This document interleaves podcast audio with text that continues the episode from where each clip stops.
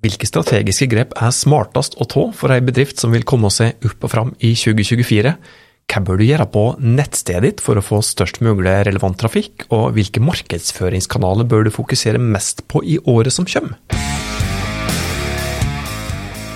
Ja, alt dette og mer til skal vi prate om i dagens episode av Hauspodden, slik at du forhåpentligvis skal bli litt sikrere på hva du bør fokusere på i virksomheten som du jobber i, for at dere skal nå målet i 2024.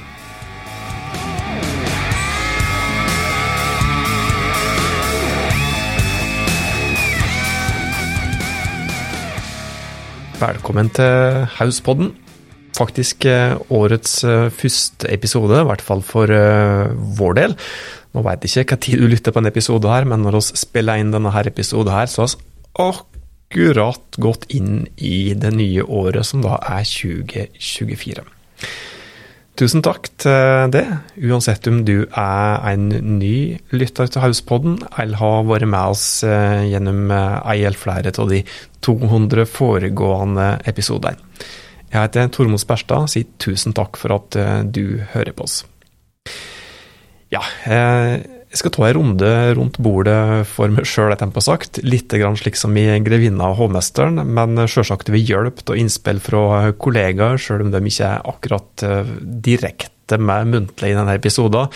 Men eh, de har i hvert fall bidratt med innspill og tips, og sammen så skal vi gi dere det som oss mener er viktige råd og tips for at en organisasjon, ei bedrift, eh, ja, uansett om det er litt eller Stol, skal lykkes i størst mulig grad i året som akkurat har starta. Og vi går rett på sak, og dette her har vi prata om eh, tidligere òg, dette her med å ha en strategisk tilnærming. Og det er det viktigste som vi må purre på denne her gangen her òg.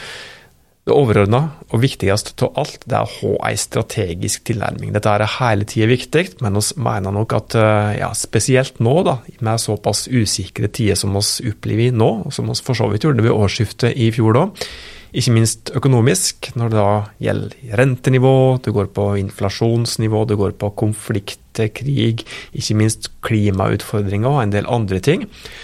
Med det som bakteppe, så er det viktigere enn noen gang å sørge for at du har en eh, god, grunnleggende forretningsstrategi på plass. At du har gjort eh, gode, grunnleggende strategiske analyser.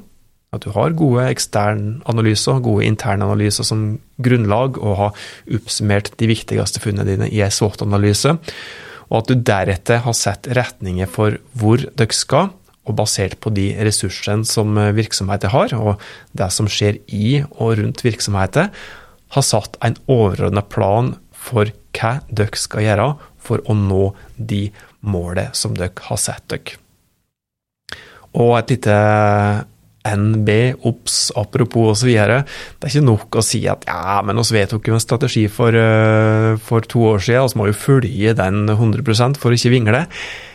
Nei, det er viktigere enn noen gang å ha en dynamisk strategi når tidene er så usikre og når ting endrer seg så fort som nå.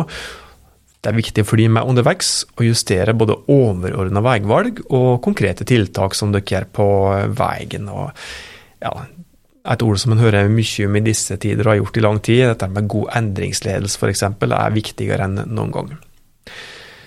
Det neste tipset blir som en forlengelse av det å ha en strategisk tilnærming. Det blir å se litt på dere sjølve, f.eks. For, for å se om det er noen styrker internt som dere kan utnytte enda bedre, eller om det er noen svakheter som kan, eh, som kan gjøres mindre svake.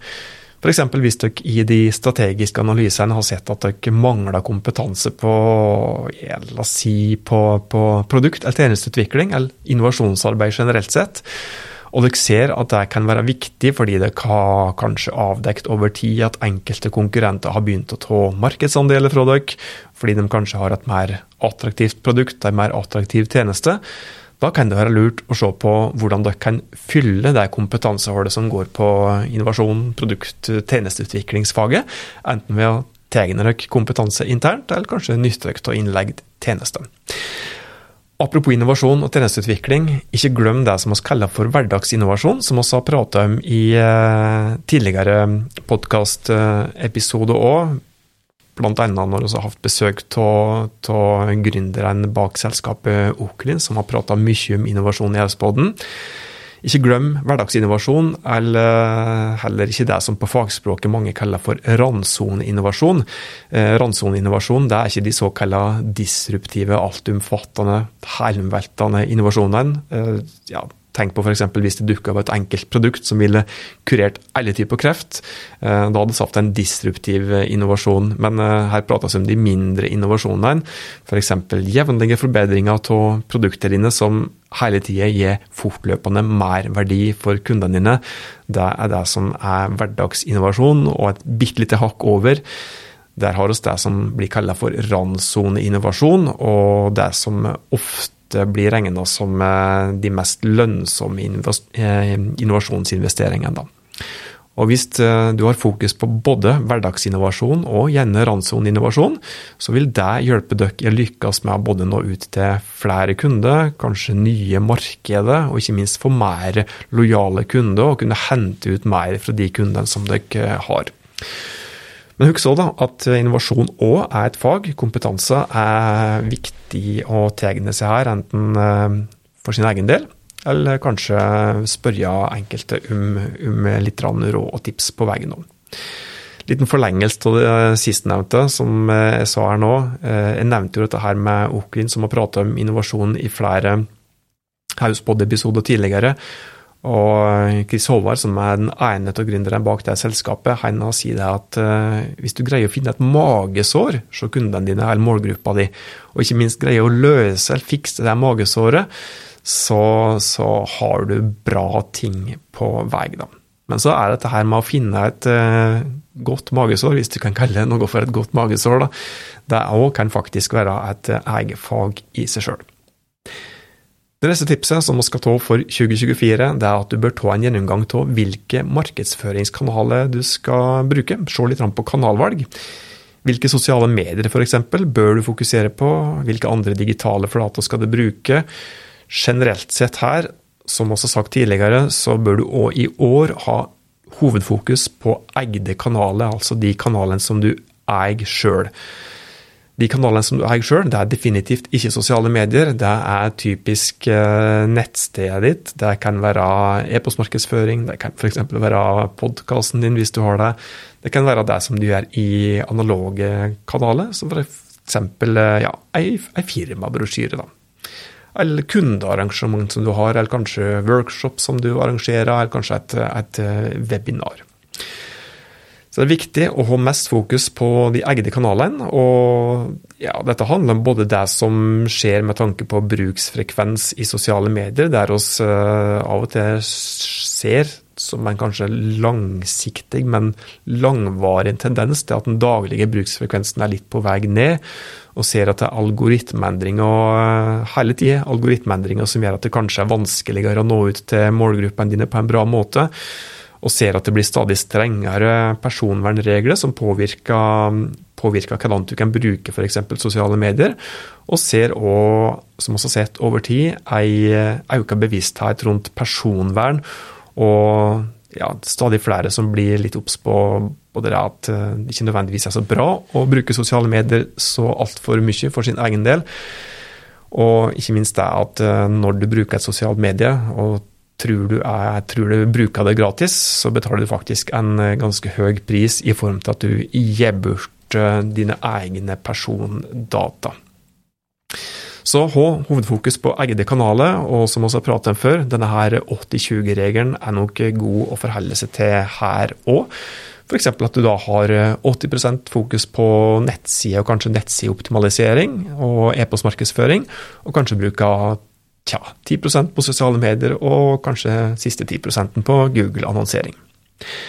Sjølsagt så må du se på hvor du når målgruppene dine i ulike deler av kundereisa, men ikke nødvendigvis bruke kanalen bare fordi at du tilsynelatende når ut til mange der. Typisk eksempel TikTok, som mange kaster seg på. På TikTok, så når du i teorien ut til mange, kanskje spesielt hvis du har ei ung målgruppe, eller relativt ung målgruppe. Men, hvis, eh, ja, men er jo målet ditt egentlig å nå ut til mange ved å bruke en kanal, eller kan det være et annet mål som du har? da? F.eks. et omdømmemål eller et konverteringsmål, som f.eks. salg. Eh, da er det ikke sikkert at, at, TikTok nødvendigvis er den kanalen som du bør ha hovedfokus på. Og Så finnes det da andre vurderinger som du òg må ta med deg. F.eks. Ja, du bør ikke glemme det etiske når du skal velge kanaler. Eh, nevnte fokus på personvern, både lovgivningsmessig og økt grad av brukerskepsis, og en del forskning som tilsier at f.eks. Tja, tre timer bruk på sosiale medier, som f.eks. TikTok og Facebook eh, daglig, ikke er bare positivt, Slike ting gjør at kanskje du skal ta litt ansvar og kanskje droppe eller nedskalere bruken av enkelte sosiale medier i organisasjoner eller bedrifter som dere jobber i. Uansett, nettsida er som regel navet og viktigst for fryktelig mange av dere, og i alle fall når det da gjelder digitale flater. Som en liten eh, forlengelse til dette her med betydningen av nettsida, eh, hvis synlighet er viktig for det, så for, med tanke på nettsida, så er det noen onde tips der òg, som vi må sende med det på veien. Eh, rent overordnet, i hvert fall. Dette med synlighet av en nettside er jo et eh, stort tema i seg sjøl. Men noen hovedting som vi syns er ekstra viktig å ha fokus på nå òg, delvis, som også nevnt tidligere, for at du skal få best mulig synlighet, det er å fokusere på universell utforming av nettsida di, som også prata om i hvert fall to episoder som jeg kan huske tidligere av Hauspodden, og så har også skrevet flere fagblogginnlegg òg, som jeg anbefaler at du søker opp hvis du vil få flere konkrete tips rundt universell utforming. Men det som jeg vil fram til her med å nevne universell utforming, er at jo i større grad du fokuserer på universell utforming og reglene rundt det for nettstedet ditt, jo enklere er det å rangere godt i søkeresultatet på nett. Du bør også fokusere på lastetid som en del av brukervennlighet, og rent overordna så er brukervennlighet utrolig viktig, og viktigere enn noen gang. Google har sagt det i flere omganger, og spesielt nylig, at eh, det å ha et brukervennlig nettsted basert på det som Google vekter som brukervennlig, eller ja Google har jo da ulike måter å måle brukervennlighet på, så eh, her er det da kanskje òg viktig å holde tunga midt i munnen rent faglig, da, webfaglig sett. Men brukervennlighet er, er, så absolutt eh, viktig. Så hvis du skal ha ei ny nettside, eller skal gjøre nettsideforbedring og kanskje designjustere på nettsida ditt, så bør du så absolutt uh, ha litt kompetanse, eller kanskje høre med den som har litt uh, kompetanse på brukervennlighet, kanskje en UX-designer for å få hjelp til å gjøre nettstedet ditt så brukervennlig som mulig, slik at du kan få best mulig synlighet. Litt mer eh, når det gjelder nettsida di, hvis du ikke har gjort det allerede, som du bør ha gjort nå, i og med at eh, den gamle versjonen av Google Analytics eh, for lengst har slutta å funke, bytte ut den standardversjonen, eller standardversjonen er jo da automatisk bytta ut hvis du ikke har tatt noe grep sjøl, men uansett, eh, hvis du har, har fått automatisk overgang til den nye versjonen av Google Analytics, så bør du inn og gjøre noen nye justeringer, eller justeringer av den nye versjonen din. Alternativt så bør du bytte ut Google Analytics med et annet verktøy som vi har nevnt eh, eksempel på tidligere i podkasten vår. Siste tips når det gjelder nettstedet ditt, som eh, Google òg sier er viktig med tanke på synlighet, det er at du gjør en såkalt innholdsrevisjon. At du går over innholdet ditt, at du oppdaterer gammelt innhold, og at du eventuelt skroter innhold som ikke fungerer i forhold til de målene som dere har. Gjør en revisjon, og eventuelt en ryddeprosess. Og her er det lurt å ja, sette ting i system, eh, fordele litt ansvar uh, i organisasjonen, slik at uh, f.eks. en person har ansvar for å revidere den delen av nettstedet, kanskje en, en gang i året. Og at uh, en annen del organisasjon, en annen person f.eks., har har ansvaret for å revidere, eller gå over og revidere et annen del av nettstedet ditt. Neste tipset er at du så absolutt ikke skal glemme de analoge kanalene i 2024, som du heller ikke burde ha gjort i tidligere år. De analoge kanalene er superviktige, og de er mange. Det handler om uh, mange flater, f.eks. Eh, ja, relasjonsbygging, daglig relasjonsbygging i, i dialog med kunde, som ja, du møter ansikt til ansikt. Eh, det kan være kundearrangement. Ikke minst, det kan være trykte flater, som f.eks. brosjyrer. Eh, ja, til og med en årsrapport kan faktisk funke bra til f.eks. merkevareomdømmebygging, hvis den er godt eh, utforma kan være et viktig ledd i f.eks. Eh, PR-arbeid. Hvis du har en god årsrapport som er bra utforma på alle vis, både visuelt og tekstlig, så kan det faktisk være lettere å få, få media til å kikke på ting som du mener er, er viktig. Men eh, ja, hvis en skal si noe om årsrapporten, da, så forutsetter det da selvsagt at du ikke lager den samme gamle Word-blekka som ser ut som eh, ja, noe en offentlig saksbehandler i altfor stramt slips kunne levert fra seg i, i 1978. Det neste tipset er at eh, du bør sjekke nye lover og regler som påvirker det, eller om det har kommet noen nye lover og regler som har påvirka det, eller som kan påvirke det i året som kommer. Dette her er egentlig noe som du bør se på som en del av de strategiske analysene som du forhåpentligvis gjør der du jobber, men jeg kan nevne i hvert fall noen enkelte som kan være relevante i året som vi uh, er inne til nå. Og det er ikke nødvendigvis uh, noen nye regler som har kommet akkurat nå i år, men som har kommet f.eks. i fjor og litt tidligere. Uh, hvis jeg skal ta noe som jeg bare husker på stående fot, så har jeg så da klarspråkloven, som vel kom i fjor. Som vel først og fremst, i første omgang i hvert fall, gjelder for offentlige, men som er smart å fokusere på for alle. Vi har åpenhetsloven. Vi har regelverket rundt universelt utforma nettsider, f.eks., eller video for denne saks skyld. Både på ja, spesielt video på, på nettstedet ditt, men også i sosiale medier og så har oppdaterte grønnvaskingsregler på, som sier noe om hvordan du har lov og ikke lov til å kommunisere rundt uh, bærekraft.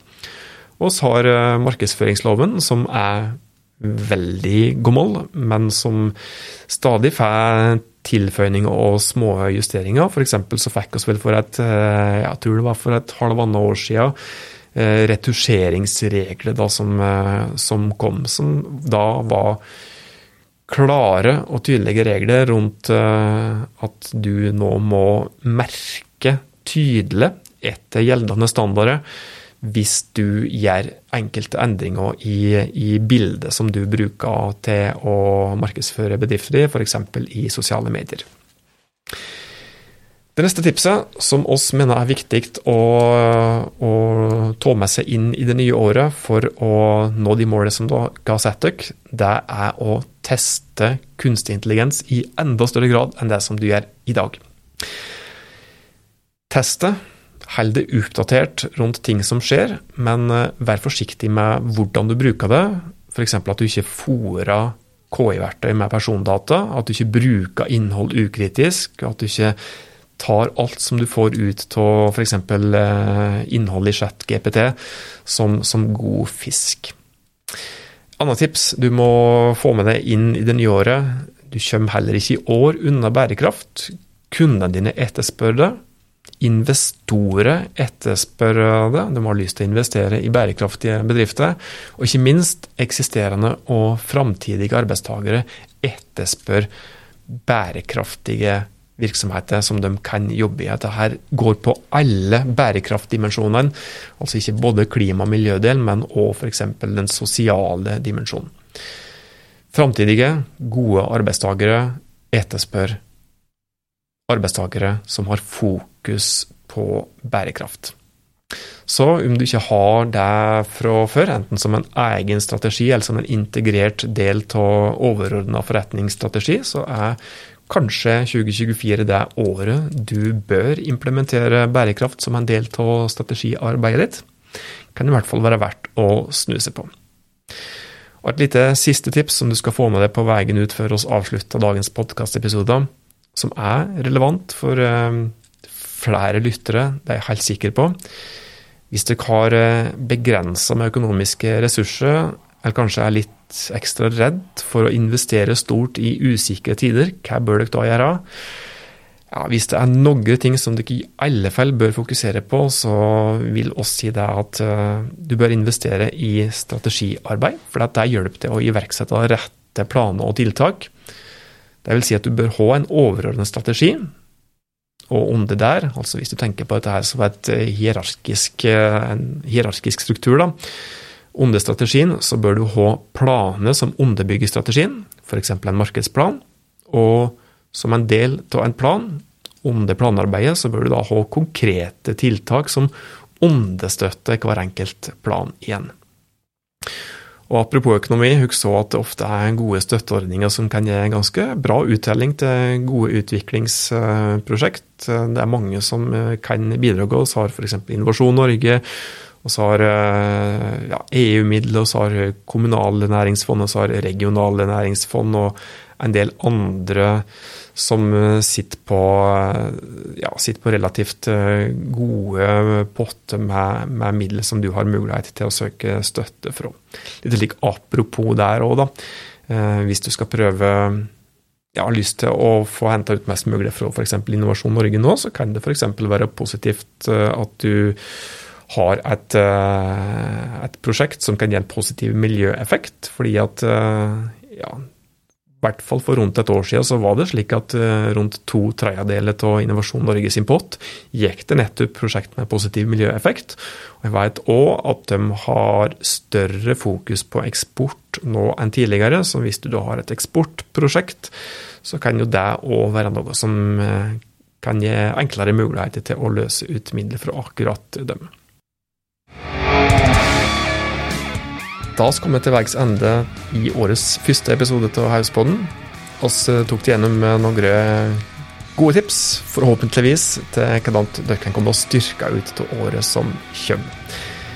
Inntil vi høres neste gang, ta godt vare på det og dine.